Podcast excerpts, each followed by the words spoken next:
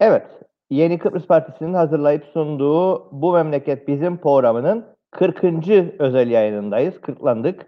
Bugün ben Murat Kanatlı ve Alil Paşa ile beraber e, son siyasal gelişmeleri, suda yaşanan konuları, e, turizm ve ekonomideki durumsuzluğumuzu konuşup değerlendireceğiz. Gündem ağır ve galabalık. Günaydın Halil abi. Günaydın Murat. Evet canlı yayınları YKB'nin Facebook sayfasından ve YouTube'dan paylaşırsanız bu görüşler ve düşünceler daha çok insana ulaşır. Bu nedenle sizden bir kez daha ricamız bu yayınları lütfen paylaşalım. Evet dediğimiz gibi gündem e, gayet yoğun e, ve bir sürü şey aynı anda dönüyor. E, Covid-19'dan ilgili olarak tam bu dalga geçti mi diye konuşulurken bir sürü yeni gelişme var. Buna ekolojinin e, etkilenmesi var. E, son durumu nasıl değerlendirebiliriz? Evet yani e, Şubat'tan beridir hatta işte 2020'nin başından beridir e, ki gayip yıl olacak ekonomide. E, bütün yaşam e, koşulları da alt üst oldu ve insanlar 2020'yi şimdiye kadar yaşadıklarından çok farklı bir şekilde yaşıyorlar. Bir alt üst oluş söz konusudur. Sadece ekonomide, sadece turizmde, e, sadece bu hastalıkla ilgili insanların eve kapanmasında vesaire değil, yaşamın her alanında bir alt üst oluş söz konusudur ve bu bizimle değil, Kıbrıs'la değil, Türkiye'yle değil, Avrupa'yla değil, tüm kıtalarla, yer küreyle ilgili bir sorundur. Dünya ilk defa sallandı 2020 yılında. Herhalde tarihe de böyle geçecek. Birleşmiş Milletler uzmanlarına baktığımızda onlar bu yaşanan felaketi yahut yaşanan olağanüstü durumu zoonotik hastalıklara bağlıyorlar. Yani bu zoonotik hastalıkta dediğimizde e, bir taraftan insanoğlu e, vahşi yaşamı ve çevreyi korumadı, bildiği gibi ekonomik kalkınma ve gelişme için betona teslim oldu, sanayide kirletti, çevreyi hiç bunlara aldırmadı, atmosfer delindi. Hayvansal proteine bu arada talep arttı, tarımda sürdürülebilir olmayan uygulamalar gündeme geldi, iklim değişti, iklim değişikliği oldu ve e, sadece Covid'da değil, bunun öncesinde de işte Ebola, Batı Nil virüsü, SARS ve bütün bunlar hayvanlarla insanlar arasında e, hayvanlardan insanlara geçen hastalıkları bize anlatıyor ve gayet tehlikeli. Pandemik yani bulaşıcı hastalıklar bunlar. Bu bütün bunları Birleşmiş Milletler e, vahşi yaşamın sömürülmesine bağlıyor. E, iklim değişikliğine, çevrenin tahribatına Dolayısıyla e, bundan sonra hem küresel çapta hem de her ülke kendi ülke çapında e, pandemiyle daha ciddi mücadele vermek zorunda kalacak. Çünkü eskiden olasılıklar tartışılıyordu. Şimdi olasılıklar değil olan insanlar bizzat bunları evlere kapanarak, ekonomi e, ülkelerde mahvolarak, yaşam kalitesi düşerek, yoksulluk artarak, gelir grupları arasındaki fark daha da artarak e, görüyor. Dolayısıyla e, çok hızlı bir biçimde ekonomik tedbir bizim hükümetin dediği gibi ekonomiyi nasıl kurtarırık, bütçeyi nasıl dengelerik, ihracat ithalat dengesini nasıl kurarık, ay sonu maaşları nasıl öderik değil, dünya nasıl bir dünyada yaşamak isterik? Neleri bundan sonra yapmamalıyız? Nasıl bundan sonra eskisi gibi yaşamayacağız? Bu kuralların peşindedir. Ama biz maalesef bu durumda değilik. Ee, önerisi şimdiden yani birçok hükümetler dünyada e, öneriler uzmanlarla birlikte e, öneriler ortaya atmaya başladılar. Birincisi artık e, toprak bu şekilde kirledilmeyecek. çevre kirletilmeyecek, horgullanılmayacak. Hatta toprak yönetimi için e, dünyada e, temiz e, tarıma dönük bir e, üretimde teşvik dahi e, edilecek insanlar bu maddi de olacak, bu kültürel de bir teşviği gerektirecek. E, biyolojik çeşitlilik azalıyor dünyada. Bütün hükümetler hem küresel hem ülkesel çapta biyolojik çeşitliliğin düşmemesi, önüne geçilmesi için ki bu da yeşilin korunmasından geçer. Bu çabaları artıracaklar. Bilimsel araştırmalara, argelere, araştırma geliştirme çalıştırmalarına daha fazla para ayrılmak zorundadır. Dünyadaki önerilerden biri de budur. Bir Birleşmiş Milletler uzmanı olan Andersen de bilim ekosistemlerimizi yok edip vahşi yaşamı sömürmeye devam edecek şekilde gelişirse biz bu e, insanlara hayvanlardan gelen hastalıkları önlemede çok daha çaresiz kalacağız. Dolayısıyla tam da bu noktada ekosistemleri koruyacak ve geliştirecek, biyolojik çeşitliliği geliştirecek şekilde olmalıdır. Bundan sonraki ekonomik kalkınma ve gelişme, bir ülke, ekonomik kalkınma programları ve bir ülkenin sosyal gelişme programları diye e, böyle bir özet Şimdi burada Yapmış. yalnız e, gene senin bir e, alanına da girer. E, şimdi e, 1940'larda e, savaş bittiğinde e, e, Bretton Woods sistemini ortaya çıkarttılar ve aslında bir sağcı e, ekonomisi olmasına rağmen e, Keynes e, dayattı ve dedi ki arkadaşlar yani biz kapitalizmi çok fazla öyle başına buyruk bırakırsak e, başımıza ne geleceği gördük. O yüzden biz lazım kapitalizmi belli bir yerde tutmamız gerekiyor. En azından terbiye edecek bir mekanizma kuralım gibi bir şey yaklaşımı ortaya koydu. Kabaca söylemek gerekirse. Bu 70'e kadar devam etti. Ama 71 e, yılında, 71-72 yılında resmen bu sistem artık bizi e, bize dar geliyor diye e, neoliberal politikalar hayata geçirmeye başladılar ve bırakın bizi de biz e, piyasayı onarırık, piyasayı düzeltirik dediler. E, 71'den bu tarafa 40 sene sonra bir kez daha aman yetiş ey devlet, regulize et bizi, e, bir şekilde müdahale et ey e, devlet ve biz bu krizden çıkalıma döndük. E, sağlıkta da şeyde de yani sağlık sistemi bırakın e, herkes parasıyla hizmet altından geldik aman devlet yetiştin de e, sağlık sistemine onaralıma geldik. E, bu bir kısır döngü yoksa kaderimiz?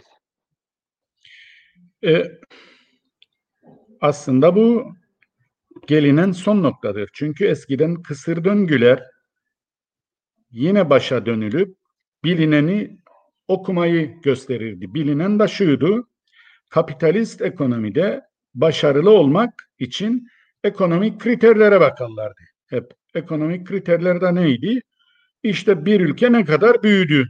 Bunu gayri safi milli hasılasına bakarak karar verirlerdi. İşte bir ülke ne kadar zenginleşti? Kişi başına düşen gelire bakarlardı. Dolayısıyla her ne kadar çevre tahrip olsa da her ne kadar yaşam kaliteleri yani e, daha fazla e, kirletilse de çevre e, şu ortaya çıkıyordu ki kesinlikle yaşam kalitesinin artması bu demek değildir. Ya nedir? Yaşamın e, kalitesinin artması şudur. E, daha yaşanılabilir e, ve ekonomik kalkınmaya da katkı yapılabilir bir e, uyumlu bir ekonomik çevreyle birlikte bu işin götürülmesi. Keynes'e değindin. Aslında Keynes e, şunu yaptı. O dönemde e, Keynes'in yaptığı ekonomiye devletin müdahalesiydi. Yani e, kapitalizmle bırakınız yapsınlar, bırakınız geçsinler. O nasıl olsa kendi e, liberal ekonomi dengeyi bulacak dendi ki içinde yaşadığımız çağda da hep liberal ekonomidir e, öngörülen. Keynes'te olan e, yok aslında dışarıdan biz bu kapitalizme kendi piyasasıyla her şeyi düzenleyeceği şekilde başıboş bırakırsak ve kapit liberal kapitalizm nasıl olsa e, her şeyi e, talep ve arza göre dengeye getirecekse bu olmayacak. Ne olacak? Çevre kirlenecek. Çünkü kapitalizmin mentalitesi ve e, yani e, nasıl diyeyim e, kapitalizmin meşruiyeti azami kar yasasında yapmaktadır. Ama azami kar çevre kirlenmesine dikkat etmez. Azami kar betonlaşmaya dikkat etmez. Azami kar tarımsal ve sanayi arasındaki dengesizliklere dikkat etmez. Azami kar azami kara dikkat eder.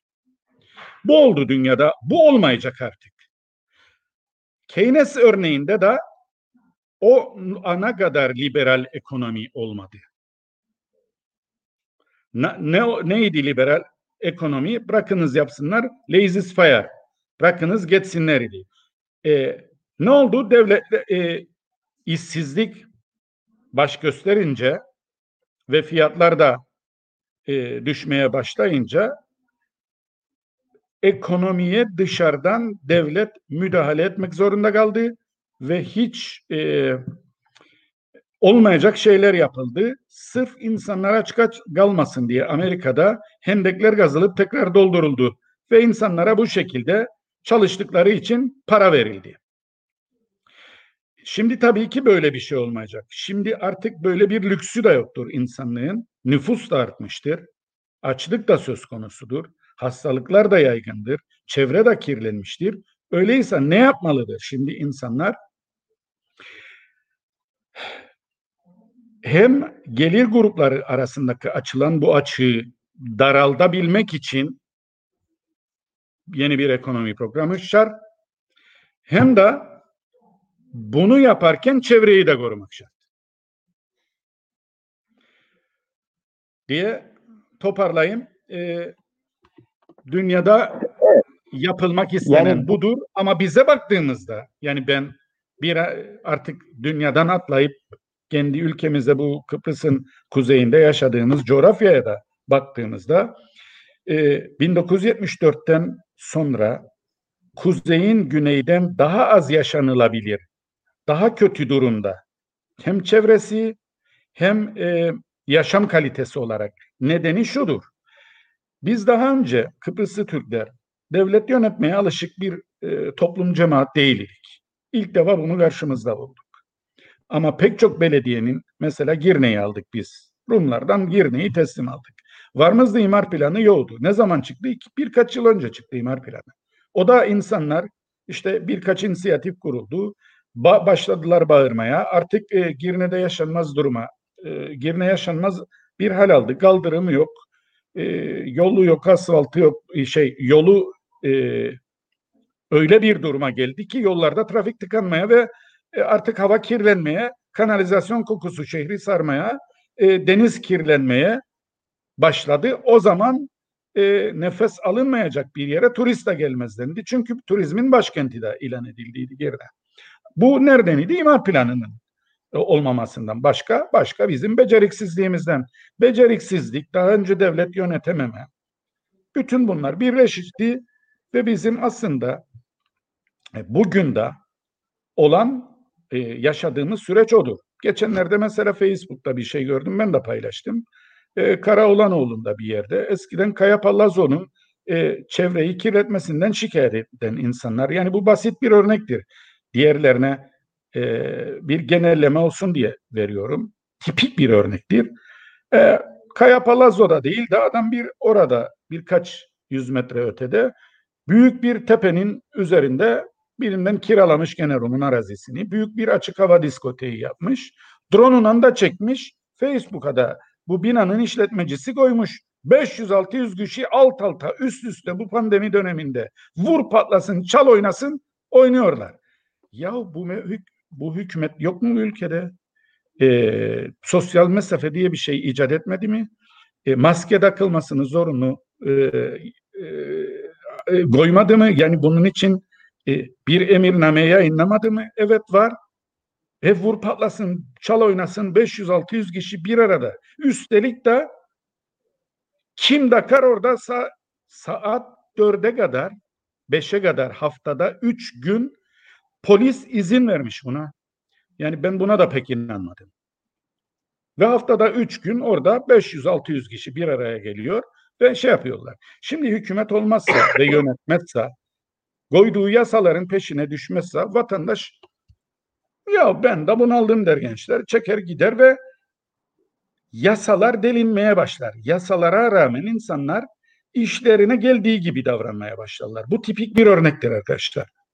Bir tarafta bağırırlar, yurt dışından aman işte korunmadan, PCR testi olmadan e, ani patlayabilir çünkü sağlık sistemimiz de çok e, donanımlı değil diye e, yurt dışından gelenlere e, bulmaya çalışırız suçu ama yurt içine baktığımızda hükümetin zaten koyduğu yasalara uyan yok. Bu hem cemaat olarak e, yeteneksizliğimiz hem de hükümetin e, kendi koyduğu yasaların e, peşine düşmemesi ve tabii ki beceriksizlikler. Bu coğrafyada olanlar şimdi bunlardır. Yani biz dünya hani o tedbirleri alır ve bir şeyleri yapmaya çalışırken biz hala daha kendi yönetim beceriksizliğimizin ve toplum olarak da maalesef vurdumda duymazlığımızın önce bir tamirini yapmalıyız. Önce bu sahada kendimizi eğitmeliyiz ki ondan sonra e, bu dönemde bırakın koronayla baş etmeyi aynı zamanda nasıl bir çevre için ekonomiye, nasıl bir ekonomi yapacağımıza karar verebilelim. Çünkü bu ülkede toprak gıt kaynaktır. Sadece su değil az sonra tartışacağız. Toprak da gıt kaynaktır. Ekonomiyi nasıl planlan ve yaşam kalitesini nasıl planlan? Önce bakan hangi kaynaklarım gıt? Peki ikinci soruyu soran. Ben bu gıt olan kaynakları nasıl en etkili bir biçimde, en efficient bir biçimde kullanabilirim? Toprağı en etkili bir biçimde kullanabilmek için bu ülkede ülkesel fizik planını yapacağım ve tarım arazilerini konutlardan ve sanayi e, yerlerinden ayıracağım. Peki biz bunları yapabildik mi? Yapamadık. Sanayi yeri yaptık. Neredeyse şeylerle komşu yaptık. Konut sektörüyle. Peki tarım arazileri, tarım arazileri olacak yerlerde, köylerde ben apartmanlar dikilme e, görmeye başladım. Peki e, şehir içleri, şehir içleri planlanmadı. Az önce söyledik. imar planı zaten yoktu. Dolayısıyla e, su, su sorununa da ötelemek için çare bulmadık. İmar planları zaten yani imar planını da layığına göre çalıştırmıyoruz. Mesela en eski imar planı Lefkoşa'ya aittir. Ee, e, Alpay Durduran e, dönem dönem haberi söyler. Çıkın e, saray önüne, saray önünden Lefkoşa'ya bakın. Öyle sanki su yukarıdan suyu attınız ve etrafa saçılmış gibi bir yapılanma var. Şehrin içerisinde hala daha yüzde 20-25 e, imara açılabilecek veya imar yapılabilecek alan varken biz habire Gaymaklı'ya, Dumlupınar'a, Hamitköy'e doğru genişliyoruz. Orada yol yok. E, su götürmedin, elektrik götürmedin. E, şehrin içerisinde bunların tamamlanmış bölgeler var. Bunların imara, bunun yapılaşmaya devam etmesinin önünü almıyor. Aşağı şeye doğru, dışarıya doğru açıyorsun şehri ve böyle seyrek evet. seyrek gidiyor ve tarım arazisine doğru girdi orada. Yani e, e, imar planı olduğunda da çalıştırmıyorlar. Evet yani imar planına imar ilk imar planı yapan Lefkoşa Belediyesi'nin bile bu durumu yaşadığını görüyoruz. Yani şunu yapamıyor Lefkoşa Belediyesi. Ya bir kanalizasyon ağım var, bir elektrik şebekem var, bir su şebekem var. E, ben bu imar planının içerisinde sadece bu sahalarda şimdilik konutlara müsaade edebileyim ki e, Hamitköy'ün tepesine doğru sen çıktığında ben o tepenin üzerine nasıl kanalizasyon borusu döşeyeceğim? Nasıl Şehir elektrik? planlama, şehir planlama izin vermeye devam ediyor.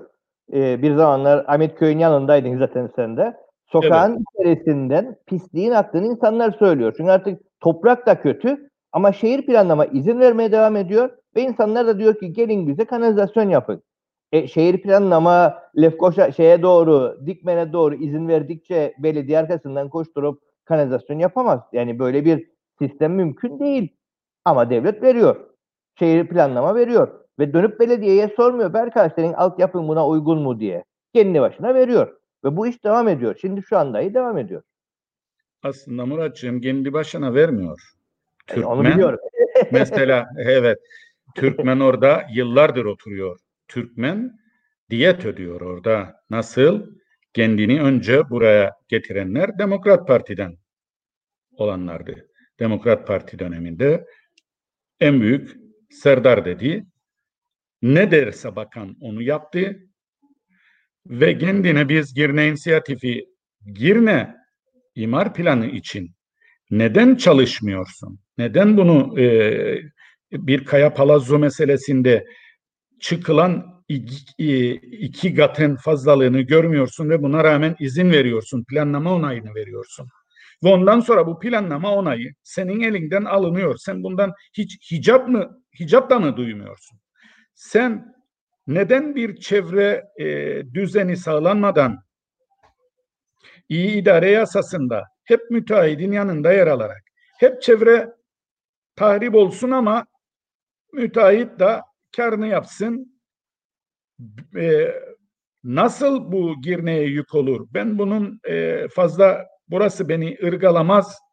Yahut da imar planını senin dairenden birkaç e, şehir plancısı yaptığında onların yaptığı bu plana saygı olsun diye imar planı taslağı açıklandıktan sonra ve okunduktan sonra ben durdurayım bundan sonra bu izinleri yoksa kadık olacak. Hiçbir anlamı kalmayacak. Bütün bunları niye yapmıyorsun diye sorduğumuzda boynunu büktü, sindi. Ondan sonra da arkadan ne dedi? Benden isteneni yaparım. Nedir kendinden istenen? E, bakan ne derse onu yapar. Peki Serdar Denktaş'ın e, şehirciliğine ilgili herhangi bir eğitimi var mı? Yok. Mimara danışmak zorundadır o. Şehir nasıl planlanır? Şehir plancısına danışmak zorundadır. E, kaldırımlar, yollar, asfaltlar nasıl?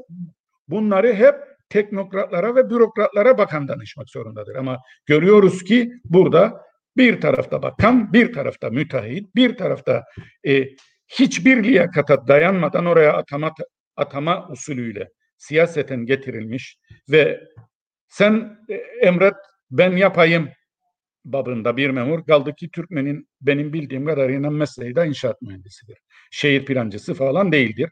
Zaten o şehir plan, imar planını da yapan ve emeği geçenler şehir plancılarıdır o dairede çalışanlar ama neden ise Türkmen'de çakıldı kaldı bu iş inşaat mühendisinde ve daire müdürü oldu.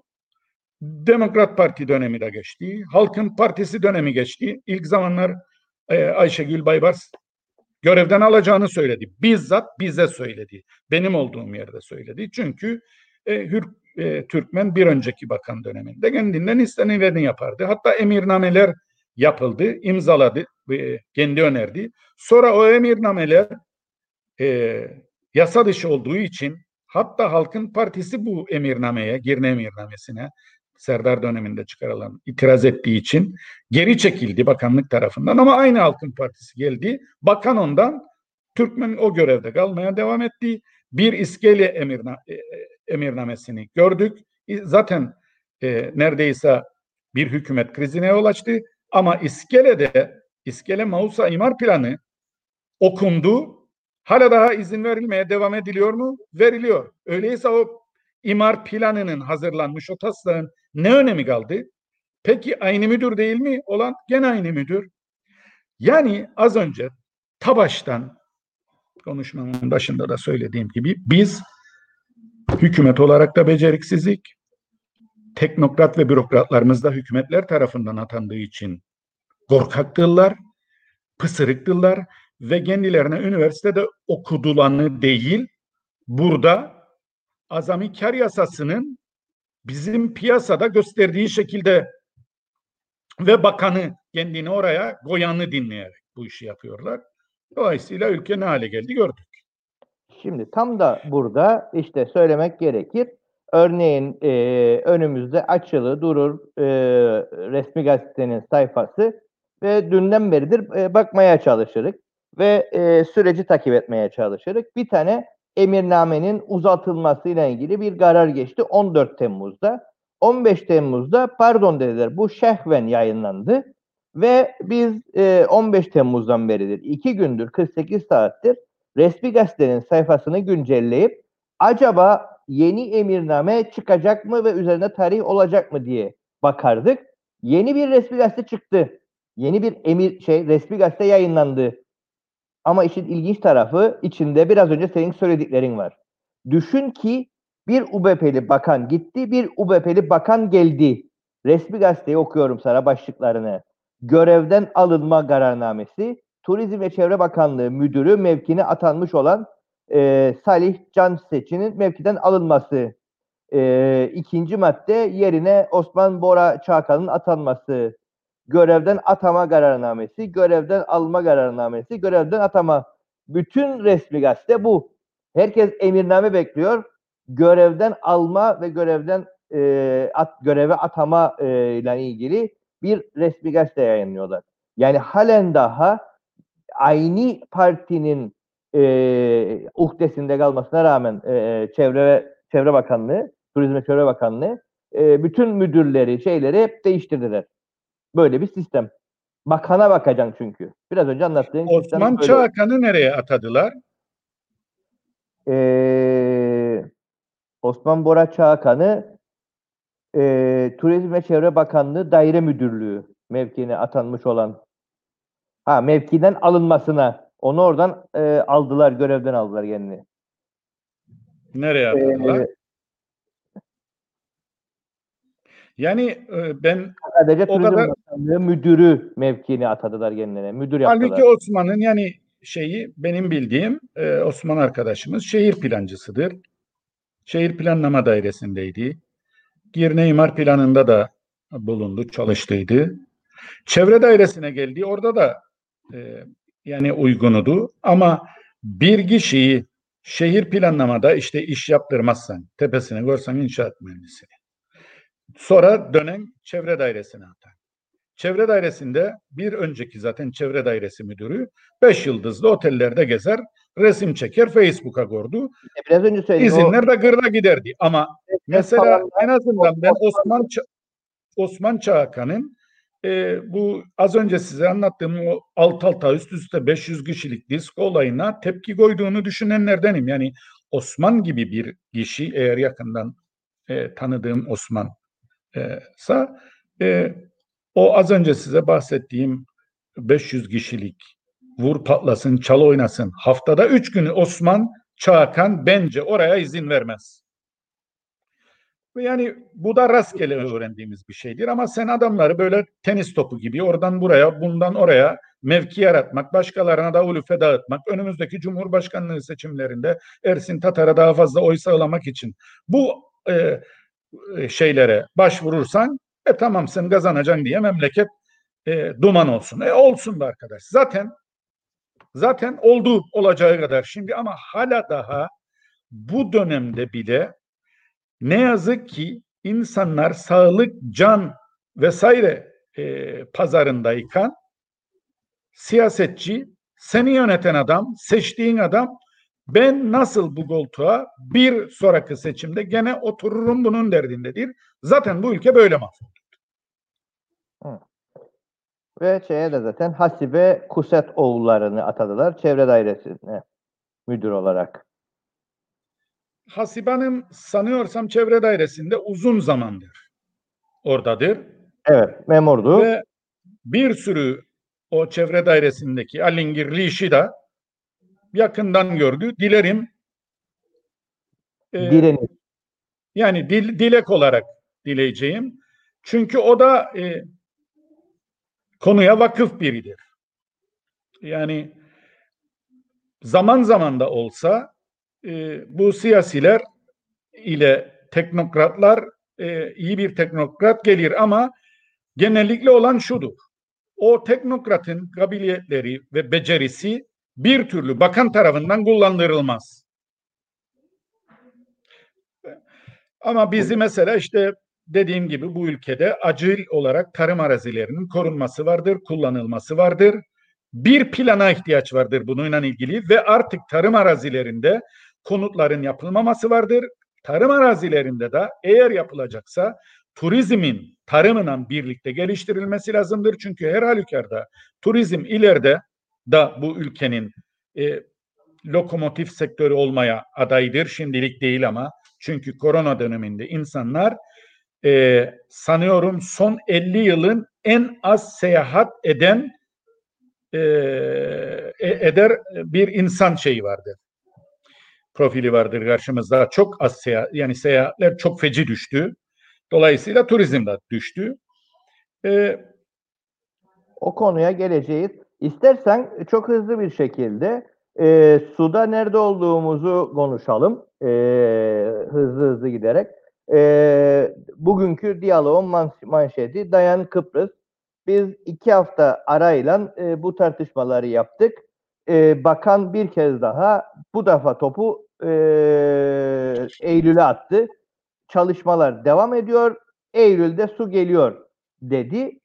E, yalnız şöyle bir şey var. Bu haberlerde benim dikkatimi çeken e, Eylül'e su geliyor da e, her zaman için en ufacık bir şey olduğunda bile fotoğraflı, görüntülü haber servis yapılırken bu konularla ilgili e, yapılan çalışmayı gösteren tek kare fotoğraf yok. Evet, yok. Daha ilginci. Bakan Bey lütfetmiş bir açıklamada bulunmuş. Açıklamasına dikkat etti mi ne diyor? Hiç merak etmeyin Eylül'ün ortasına kadar da su vardır. Hiç merak etmeyin e, susuz da kalmayacaksınız. Hiç e, merak etmeyin biz tarihi bilmesek de ne yaptıklarını e, söyleyemeyecek durumda olsak da tamirat ne zaman biter onu da bilmesek de hiç merak etmeyin bu Türkiye'nin as, e, ne, ne asrın projesi asrın projesinde e, tek laf yok yahut bu stratejik olarak yanlış da olabilirdi yahut şu yok. Bugün dün bu son beş yılda sen bu asrın projesiyle suyunu karşılıyordun bu ülkenin. Şimdi karşılayamayacak durumdasın. Son iki aydır bu su akışı kesildiğinden dolayı sen yerel su kaynaklarını kullanın. İki aydır söylemedin ve nihayet 17 Temmuz ne gündü? Dün müydü? Yoksa Evet. bugün. Bugündür 17 Temmuz. Bugün, bugün yani herhalde dün verdi bu demeci. Bugünkü gazetede çıktı. Sen ilk defa daha dün söyledin bunu. Ve arkadaş, müsaadenle iki aydır bu ülkede belediye başkanları yerel gazetelerde çıkan haberlerde diyorlar ki Karpaz'dan başlayalım. Ben iki aydır diyor yer iki ay önce diyor ki iki ay önce diyor ki ben yerel kaynaklarımı kullanırım. Türkiye'nin suyundan hiç artık kullanmamaya başladım. Çünkü su akışı kesildi gelmiyor. Ve sıraya girdi diğer bütün Mesarya'daki belediyeler ve dediler ki biz artık yerel su kaynaklarından da başladık kullanmaya. Girne Belediyesi belediye başkanıyla ben konuştum. E Halil dedi artık yerel kaynaklarımızı da kullanmazsak yetiştiremeyik. Ama bunu bana bir buçuk ay önce söyledi. Şimdi bakalım e, o zaman 70'e 30'udu. Şimdi herhalde ters döndü olay. 70 yerel kaynaklar 30 şey. Peki Girne'de, Lapta'da, Garava'da benim bildiğim su kesintileri vardır. Lefkoşa'da var mı bilmem. Sormadım da ama geçen gün sular kesiydi. Bir arkadaşıma sordum bir bölgede.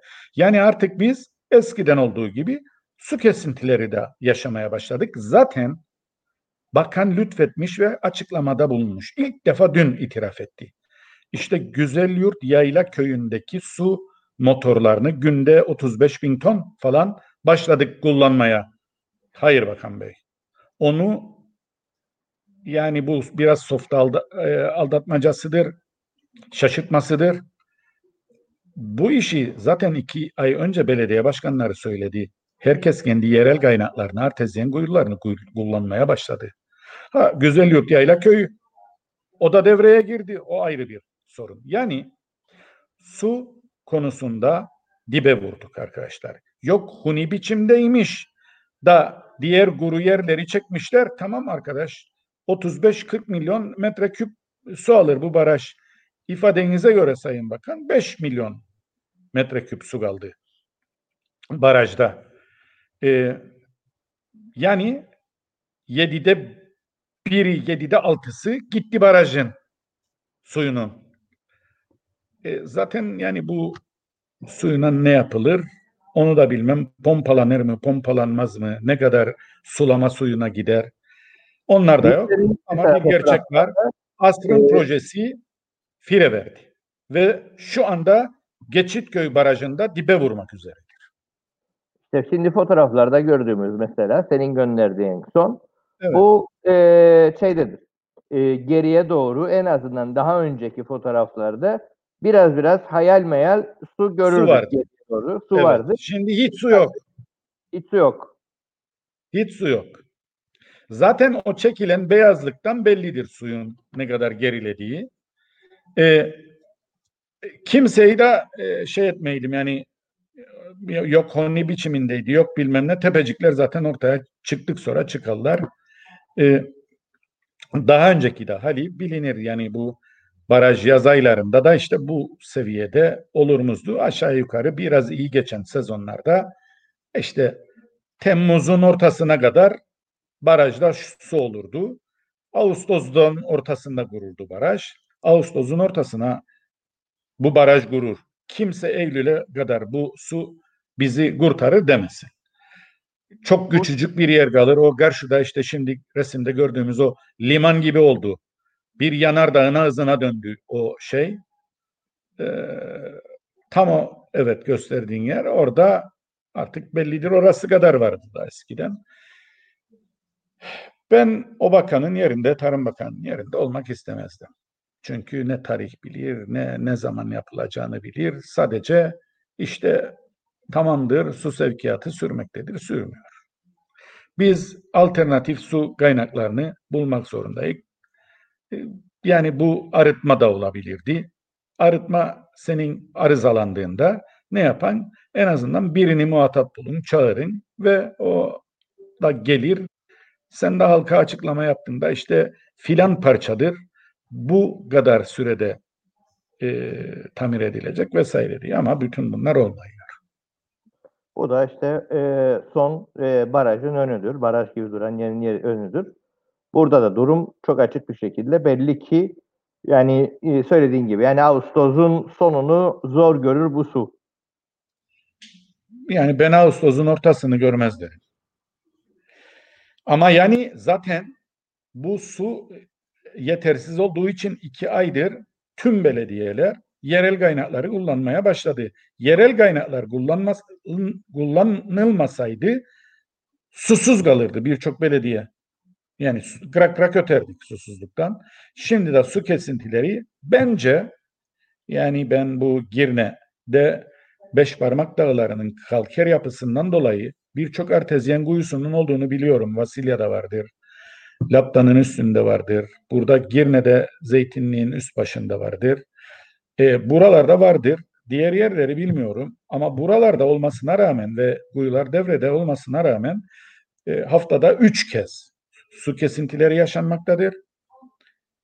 Bence bütün belediyelerde şu anda su kesintileri başlamıştır. Pahalı fiyattan yerli suyu kullanmaktadır halkta. Hükümet de sözünde durmadı. Asrın projesinin sahipleri de sözlerinde durmadı. Pahalıya satarlar bize bizim suyumuzu.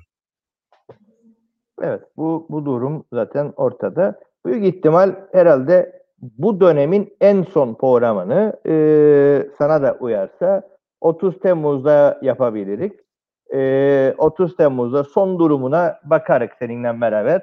Sana da uygun olursa ve e, artık sonra Eylül'de gider durumun bir daha haline e, bakarız e, duruma. Şimdi e, konuya geçecek ama biraz önce dağıtıldı. E, bunu e, söyleyip e, konuşup hemen devam edelim. Biz bir süredir anlatmaya çalışırdık. Bu bilişim e, yasakları e, yasası geçti ve biz dedik ki bu yasa e, bu polisin elinde e, korkunç bir şekilde bir silaha dönüşecek, bir tartışmaya dönüşecek ve bize özellikle CTP'deki arkadaşlar da siz yasayı okumadınız, siz bunu anlamazsınız. 10 senedir biz bu yasayı çalışırız, yaşta süper dediler. Birinci davayı daha bir hafta dolmadan bir sendikacıya Kemal'a okudular. E, orta eğitimin yaptığı, sosyal medyadan yaptığı paylaşımlarla ilgili olarak sendika tepki gösterince geri çektiler. İkincisi de bir gazeteye, e, Yeni Bakış gazetesine e, dünkü yayınından dolayı dediler ki ya düzeltirsiniz ya da bilişim suçları yasası gereğince yasal süreci size ba- başlatacak kim? Telekomünikasyon dairesi, telefon dairesi süreç başlattı. Yani şimdi şu an yapılan tüm yayınlar, internet üzerinden yapılan tüm yayınların e, ra yönelik olarak bütün yetkililer bilişim yasasını bir silah olarak, sansür silahı olarak kullanmaya başladılar. Bu davalar bir yere gider mi? Mahkemede sonuç çıkar mı? Sorun değil. Çünkü zaten memlekette bu süreç zaten herkesi yoruyor. Yani mahkemeye sizi e, her hafta bir defa çağıracak, e, bilgisayarlarınıza el koyacak, şey yapacak. Zaten beraat etseniz ne, etmeseniz de bir yıl boyunca sizi yoracaklar. E, ve bu süreç maalesef beklediğimizden erken başladı.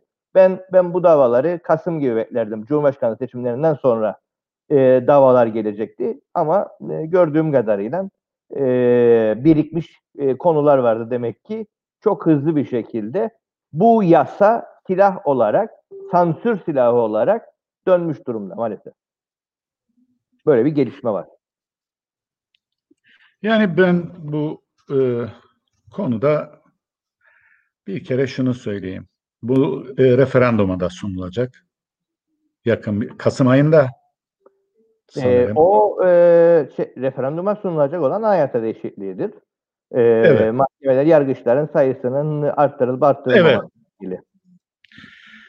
Şimdi hem o her her anayasa değişikliği artı bu bilişiminle ilgili yeni yasa e, onaylandı zannedersem. İmzalandı. E, HDP'nin imzalandı. hayırına takıldı. İşte orada da onlar e, benim bildiğim kadarıyla yeterli sayıda milletvekilleri olmadığı için komitelerde bu işi tartışırken oylamaya katılamadılar. Yalnız çıktıktan sonra e, dediler ki biz buna karşıyız. E, yalnız daha öncesinde da TDP'nin böyle geniş kapsamlı bir biçimde bilgilendirici ve insanları harekete geçirici bir propagandasına da rastlamış değilim. Ama en azından karşı çıkması da bir şeydir. Buna e, bilişim suçlarıyla birlikte giden bir de şey vardır. Bizde kameralar, Mobeseler. mobeseler vardır. Şimdi eğer bir ülkede bir taraftan insanları mobeselerle, diğer taraftan da işte bu sanal ortamda, internette bir polis devleti gibi izlemeye başladığınızda ve en küçük hareketleri Türkiye'yi hatırlatacak örneklerine cezalandırmaya, bak cezalandırmaya ikaz değil, yani rica falan değil, cezalandırmaya kattığınızda ve bunu bir yasaya bağlayıp suç teşkil ettiğini söylediğinizde zaten niyet bellidir.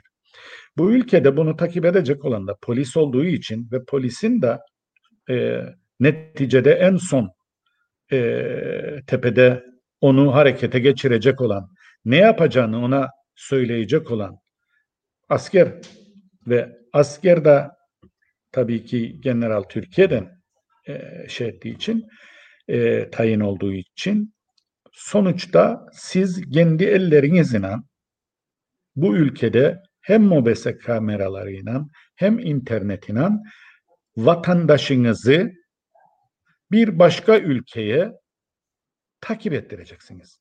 Eğer o bir başka ülkede de zaten sosyal medyayı bırakın otokratik yönetim e, en zirvedeyse, diktatörlüğe dönüşmüşse, e, yaptığınızın ne kadar demokratik olursa olsun sonuçta bunun karar vericisi, takip edicisi, e, yönlendiricisi siz olmayacağınız için e, hiçbir kıymet harbiyesi olmayacaktır. Yani dolayısıyla konuyu e, şey açısından tartışmıyorum ben. E, o yasal boşlukları vesaire. Son sözü söyleyecek olan biz olmadığımız için takipte ve karar aşamasında dış e, yani e, biz kararı vermeyeceğimiz için bu bir nevi işte o 1984'te kitabında George Orwell'in dediği gibi insanları ki bu programların başında da oydu konuştuğumuz bu korona bizi daha otokratik toplumlara yöne e, götürecek. Daha demokratik olan toplumlara değil. E, bu da onların göstergesinden biridir. Bu son bilişim yasası ve çok hızlı bir biçimde sokak başlarına bile takılan Mobesek kameralar. Çünkü Evet. bu ülkeyi biz şu anda hala daha yönetmiyoruz. Ve böyle bir becerimiz şu anda e, bu beceriyi de göstermedik, ispat etmedik. Bundan dolayı. Evet. Maalesef e, bütün bunları işte e, şeyi beklersiniz. Tüm bunları bildiğini düşündüğünüz e, ve ne olacağını düşündüğünüz e, CTP en azından yasa geçiyor, elinden geldiklerini yapmaya devam ediyorlar falan filan iddialar var ama bunun şey savunucusu pozisyonuna düşmeleri ve bu yasa iyi bir yasa olduğunu onların bize anlatmaya çalışması buradaki e, ciddi sıkıntılarımızdan biri çünkü yani e, bunu bu yasalar nasıl kullanılacağını e, ne amaçtan neye hizmet edeceğini onlar da biliyorlar ama nedense böylesi bir şeyin içine düşüyorlar. Hem mobeselerde bunu yaşadık hem de şimdi şu an e, bilişim yasasında da e, birinci derecede e, CTP'lilerden çok e, şey UBP'lilerden çok biz CTP'lilerin bu yasayı savunduğunu gördük. Üzücü. Yani gerçekten üzücü bir durum. Yani burada e, CTP'nin en çok çıkıp da işte herkes dilinin ucuna gelece geldiğini söylemek e, söyleyecek mi? E, küfürler karşılıksız kalacak mı? Belden aşağı suçlamalar karşılıksız kalacak mı? Bunlar hiçbir zaman diktatörlüğün bir başka ülkeye seni izlettirmenin excuse'u, gerekçesi olamaz. Kesinlikle ben bütün tartışmalarda hep bunu gördüm. Tabii şimdi Yani- şu, e, şimdi bir, bir yasaya bir şey yazarsınız e, ve bunu birinin yorumlaması gerekiyor. Mesela Avrupa'da veya işte İngiliz yasalarında falan e, bunun gidip örneklerini bulursunuz ve buna göre dayanırsınız. Ama e, eğer aklınız Türkiye'deki gibi çalışmaya başlarsa e, bunun ucunun olmadığını herkes görmesi gerekiyor. Yani örneğin e, geçen hafta açık şekilde hem önce Erdoğan'ın ağzından duyduk, arkasından da e, bunu meclis kürsüsünden dile getirdiler. Önce başladılar, ne bu Netflix canının çektiği, filmi canının çektiği yerde mi gösterecek? E o Twitter'da da herkes her şeyi mi yazacak diye başlarsınız. Ne demek? Yani sen e, bunun İran'daki e, etik kurullardan farkı ne olacak? İran'da da odur. E, Çin de e, Facebook'a, Twitter'a bu, bunu söyleyerek izin vermeye başladı. E, bu- bunun ucu nerede duracak? Kim karar verecek en uygun içeriğin ne olduğuna? Evet, doğru. Yani böyle Tabii bu arada söyle. bizim e, zannedersem bir de bu turizm vardı en son 5-10 dakika. Evet. Ee, turizm konusuna gene giremedik. Ee, başlayalım. Birazcık uzatırız artık. Çünkü bu turizm gerçekten ciddi sıkıntı. Tam bizim son iki haftadır konuşmaya başladığımız bizim e, geleceğimizin mas turizm olmadığını e, 5-10 dakika 5-10 dakika son iki haftadır hep konuştuk. Ee, ve dedik ki buradan çıkış yok. Tam biz bunu söyledik. E, bugünkü Yeni Düzen'in manşeti 4000 kişinin ya işi değişti ya işinden oldu. E, bu daha kayıtlı olanlar, kayıtsız olanların rakamlarını bilmiyoruz. E, mas turizmin e, sonuna geldik gibi. E, gidecekse de e, kör topal gidecek. Tam da bizim anlattığımız durumdu. Evet. Vallahi ne görüyor bu mas turizmde? Yani şöyle bir 2-3 gün önceki bir örneğine başlayayım. 2-3 gün önce Beret'e Yılmazköy'e gitti Şillura'ya. Orada böyle radyoda açığıydı arabada giderken dikkat ettim insanlarla röportaj yapar.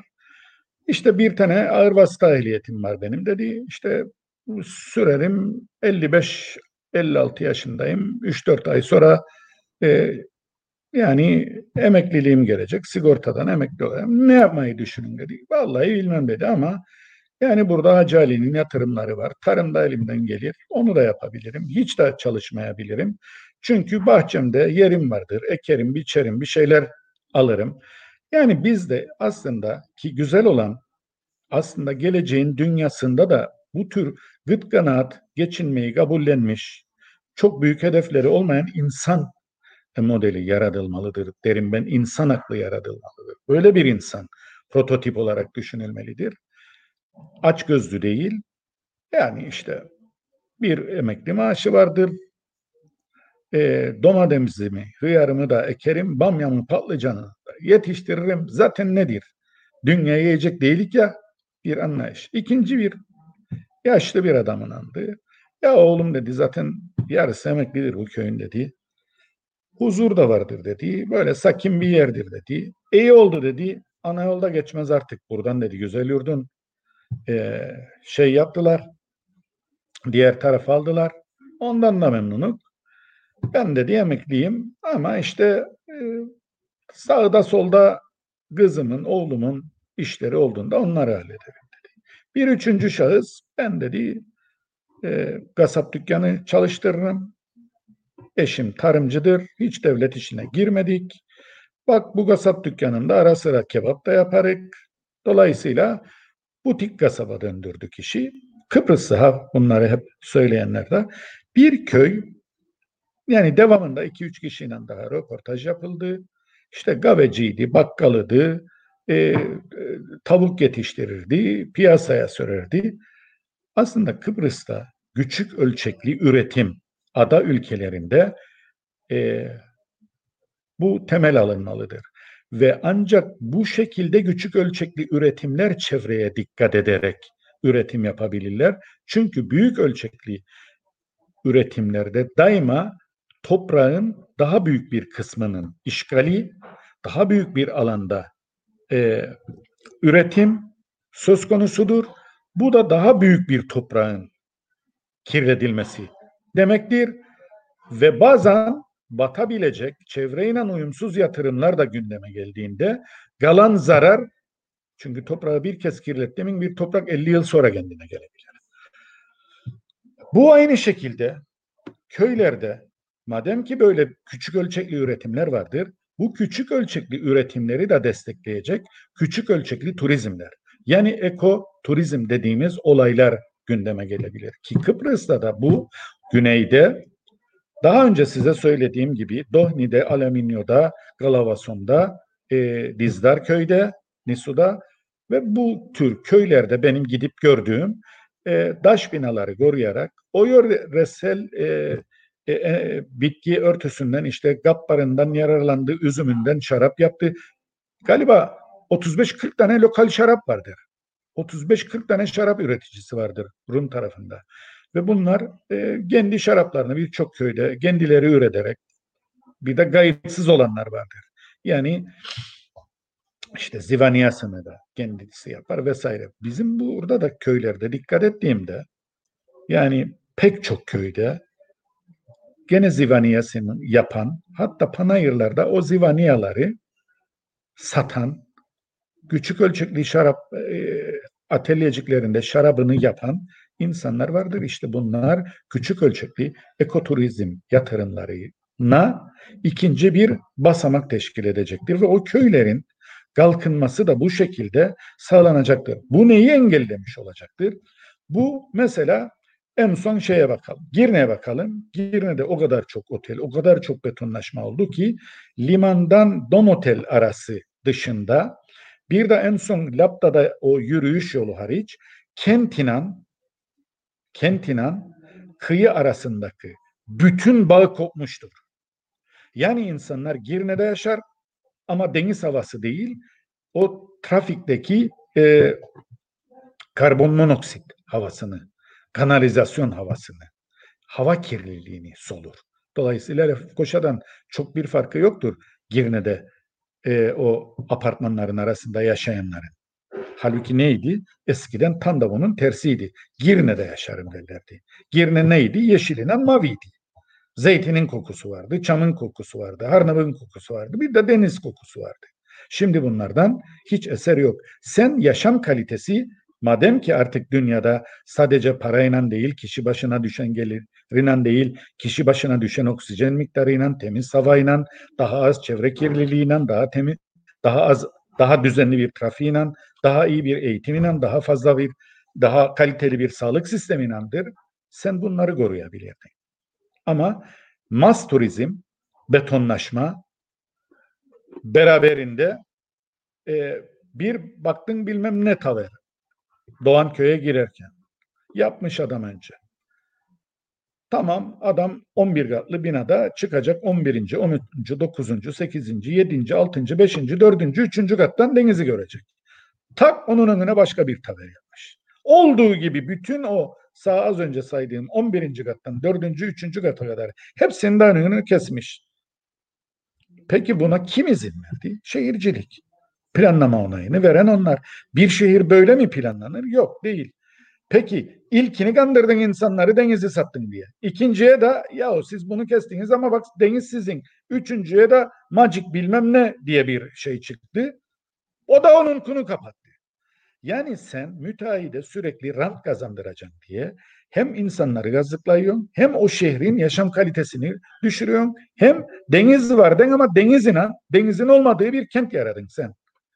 Aynı şeyi İskele'de de başladılar yapmaya. İskele Mausa arasında. Eskiden neydi? Bediz'den dönerdin. Efendim Salamis'ten e, biraz ilerisinden dönerdin. İşte biraz daha ileride o park otelinin arasındaki o Salamis o ormanlık alanına girerdin. E, ta İskele Boğazı'na kadar büyük bir yer vardı. İstediğin yerde arabanı geçerken zaten arabanı o e, deniz kokusunu alırdın. Şimdi bir baktık gördük ki daha imar planı yapıyorum dediler ama alınan izinlere bir baktık. Şimdi şu anda yapılan o devasa beton bloklara baktık.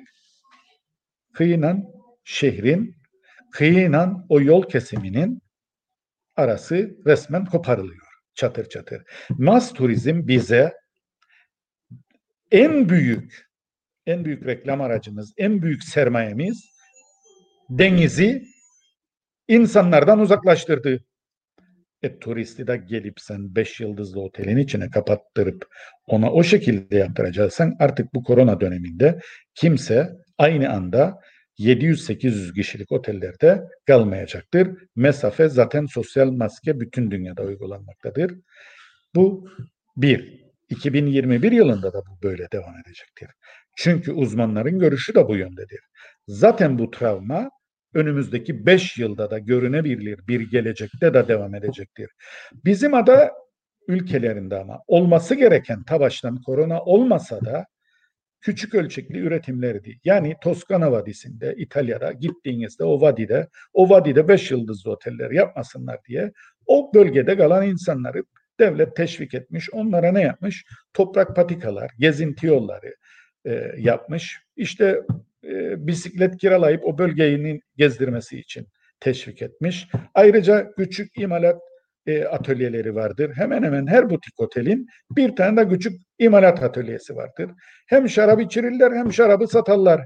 Hem de o bölgede toplanan, ben bilmem oralarda ne var ama e, dediğim gibi burada birçok yerde gappar vardır. Birçok yerde işte ceviz macunu yapan adama efendime söyleyeyim yani bununla ilgili gaz ayağı vardır, şu vardır, bu vardır. Zeytin e, gemi büyük konukta zeytin kestirirler.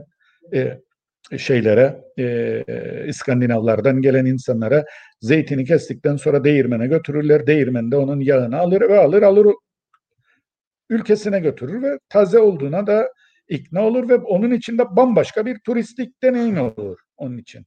Zaten bundan sonra 40-70 yaş kuşağıdır en çok dünyayı gezenler de yapılan istatistiklerde. Bu 40-70 yaş kuşağı da gittiği ülkede daha önce kendi ülkesinde bilmediği şeyleri arar. Bilmediği tatları arar. Bilmediği bir coğrafya görmek ister.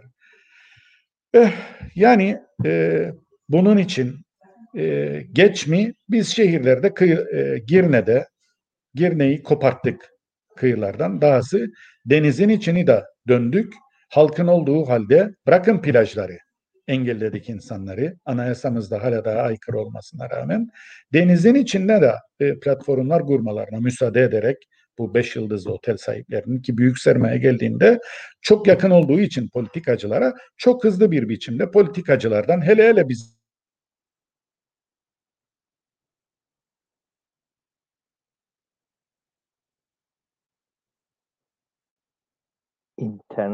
İnternette Halil abinin bir sorun ortaya çıktı. Ee, uyaralım kendisini diğer taraftan eğer şeyi varsa. Evet şimdi çıktı. Galiba Evet. şimdi oldu. Evet. Yani nerede kaldık bilmem en son. Ee, yani bir, bir- biz de artık e, olay bağlayayım yani olayı. E, şehirleri kaybettik ama elimizde bir sermaye daha var. Kaybetmediğimiz kıyılar var, kaybetmediğimiz yeşil alanlar var, kaybetmediğimiz kırsal kesim vardır, kaybetmediğimiz vadiler vardır. Bunlara bunları betonlaştırmaktan büyük sermaye yatırımlarını yapılmasını e, engelleyerek e, buraları kurtarabilirik. Bunun için de o bölgede yaşayan küçük ölçekli üretimler için, butik oteller için, daş yapılar için, o bölgeye ait tek katlı vesaire küçük ölçekli oteller için e, teşvik etmeliyik. O bölge insanını bizzat buna teşvik etmeliyik ki hem başka ülkelerden gelen yüzlerle binlerle insanı burada telef etmeyelim. Çünkü beş yıldızlı otel adam kendi karına bakar. Kendi e, kesesini doldurmayacak. E, yani oteli boş kaldığında tabii ki kapının önüne koyacak e, çalıştırdığı insanları. Çünkü o çalıştırdığı 500 kişiden, 1000 kişiden beklentisi şudur. Ne kadar çok fazla para kazanırsam, ne kadar çok sömürürsem kendini. Bu kapitalizmin doğasına aykırı olmayan gayet doğal bir şey. E şimdi de tabii ki o birikmiş birikimleri vardır. Ben birikimleri onların ensesinden kazandım. Bir kısmını o onlara vereyim diye. Hiçbir kapitalistin böyle e, babacan bir tavrı yoktur. Kapitalizm babacanlık değildir. Kapitalizm ulufe dağıtma değildir. Aksine sonuna kadar e, kıyıdan, köşeden, bucaktan insanın emeğini sömürmektir. Doğanın e, e, yeşilini sömürmektir. Havanın temizini sömürmektir. Denizi sömürmektir. Plajı sömürmektir. Her şeyi sömürmektir. Böyle e, dar zamanlarda da pat diye yollar insanları işte kapının önüne. Ondan sonra da ne olur? İşte işsizliktir. Onları finanse edecek bir devlet lazımdır. Bir de çıkarlar mikrofona yakın oldukları için derler ki biz ne yapacağız? Bize devlet yardımcı olsun. Neyine yardımcı olacak? Bence bunlardan kurtulabilmenin tek yolu vardır. Kırsal kesimde bizzat küçük ölçekli turizmi teşvik etmektir. Bu ülkenin kurtuluşu biraz da bundan geçer. Ya hep beraber böyle korona dönemlerinde de Yılmazköy gibi e, gıt kanaat geçinmeyi kabul eden o küçük ölçekli yapısından elde ettiği karı işsiz kalacak olan kendidir. Aile işletmeleridir. Zaten bunların çoğu kullanma yine kendi kesesinden kendi yemeye başlayacak ve ne büyük bir e, işçi kıyımına neden olacak ne devlete askıntı olacak. Tabii Bunlar planlanabilir, planlanmaz değil. bunu, her şey bunu sen planlı. anlatırken bunu sen anlatırken mesela turizm dibe vurdu falan filan diye konuşulur ama Biz e, bu Ağustos ayında bir yere gidelim diye güneyde yer baktığımızda dedik ki ekoturizmin yapılan e, polis tarafına gidelim dedik ve o bölgedeki otellere bakmaya başladık. E, yer bulmak imkansız. Yani bahsettiğimiz Ağustos'un 15'inden sonrasından bahsediyoruz. Yani e, çünkü ekoturizmin kendine özgü bir e, müşterisi var, kendine özgü de çalışma usulleri var. Mesela biz bunları da ayırmadık. Biz bunlarla ilgili de çalışma yapmıyoruz. Biz Londra'da 3-5 tane büyük e, yere, e, billboard'a, 3-5 tane otobüse e, mass turizm reklamı koyduğumuzda bütün reklamları kapsadığını düşünürük. Bunlar ayrı konular, apayrı konular.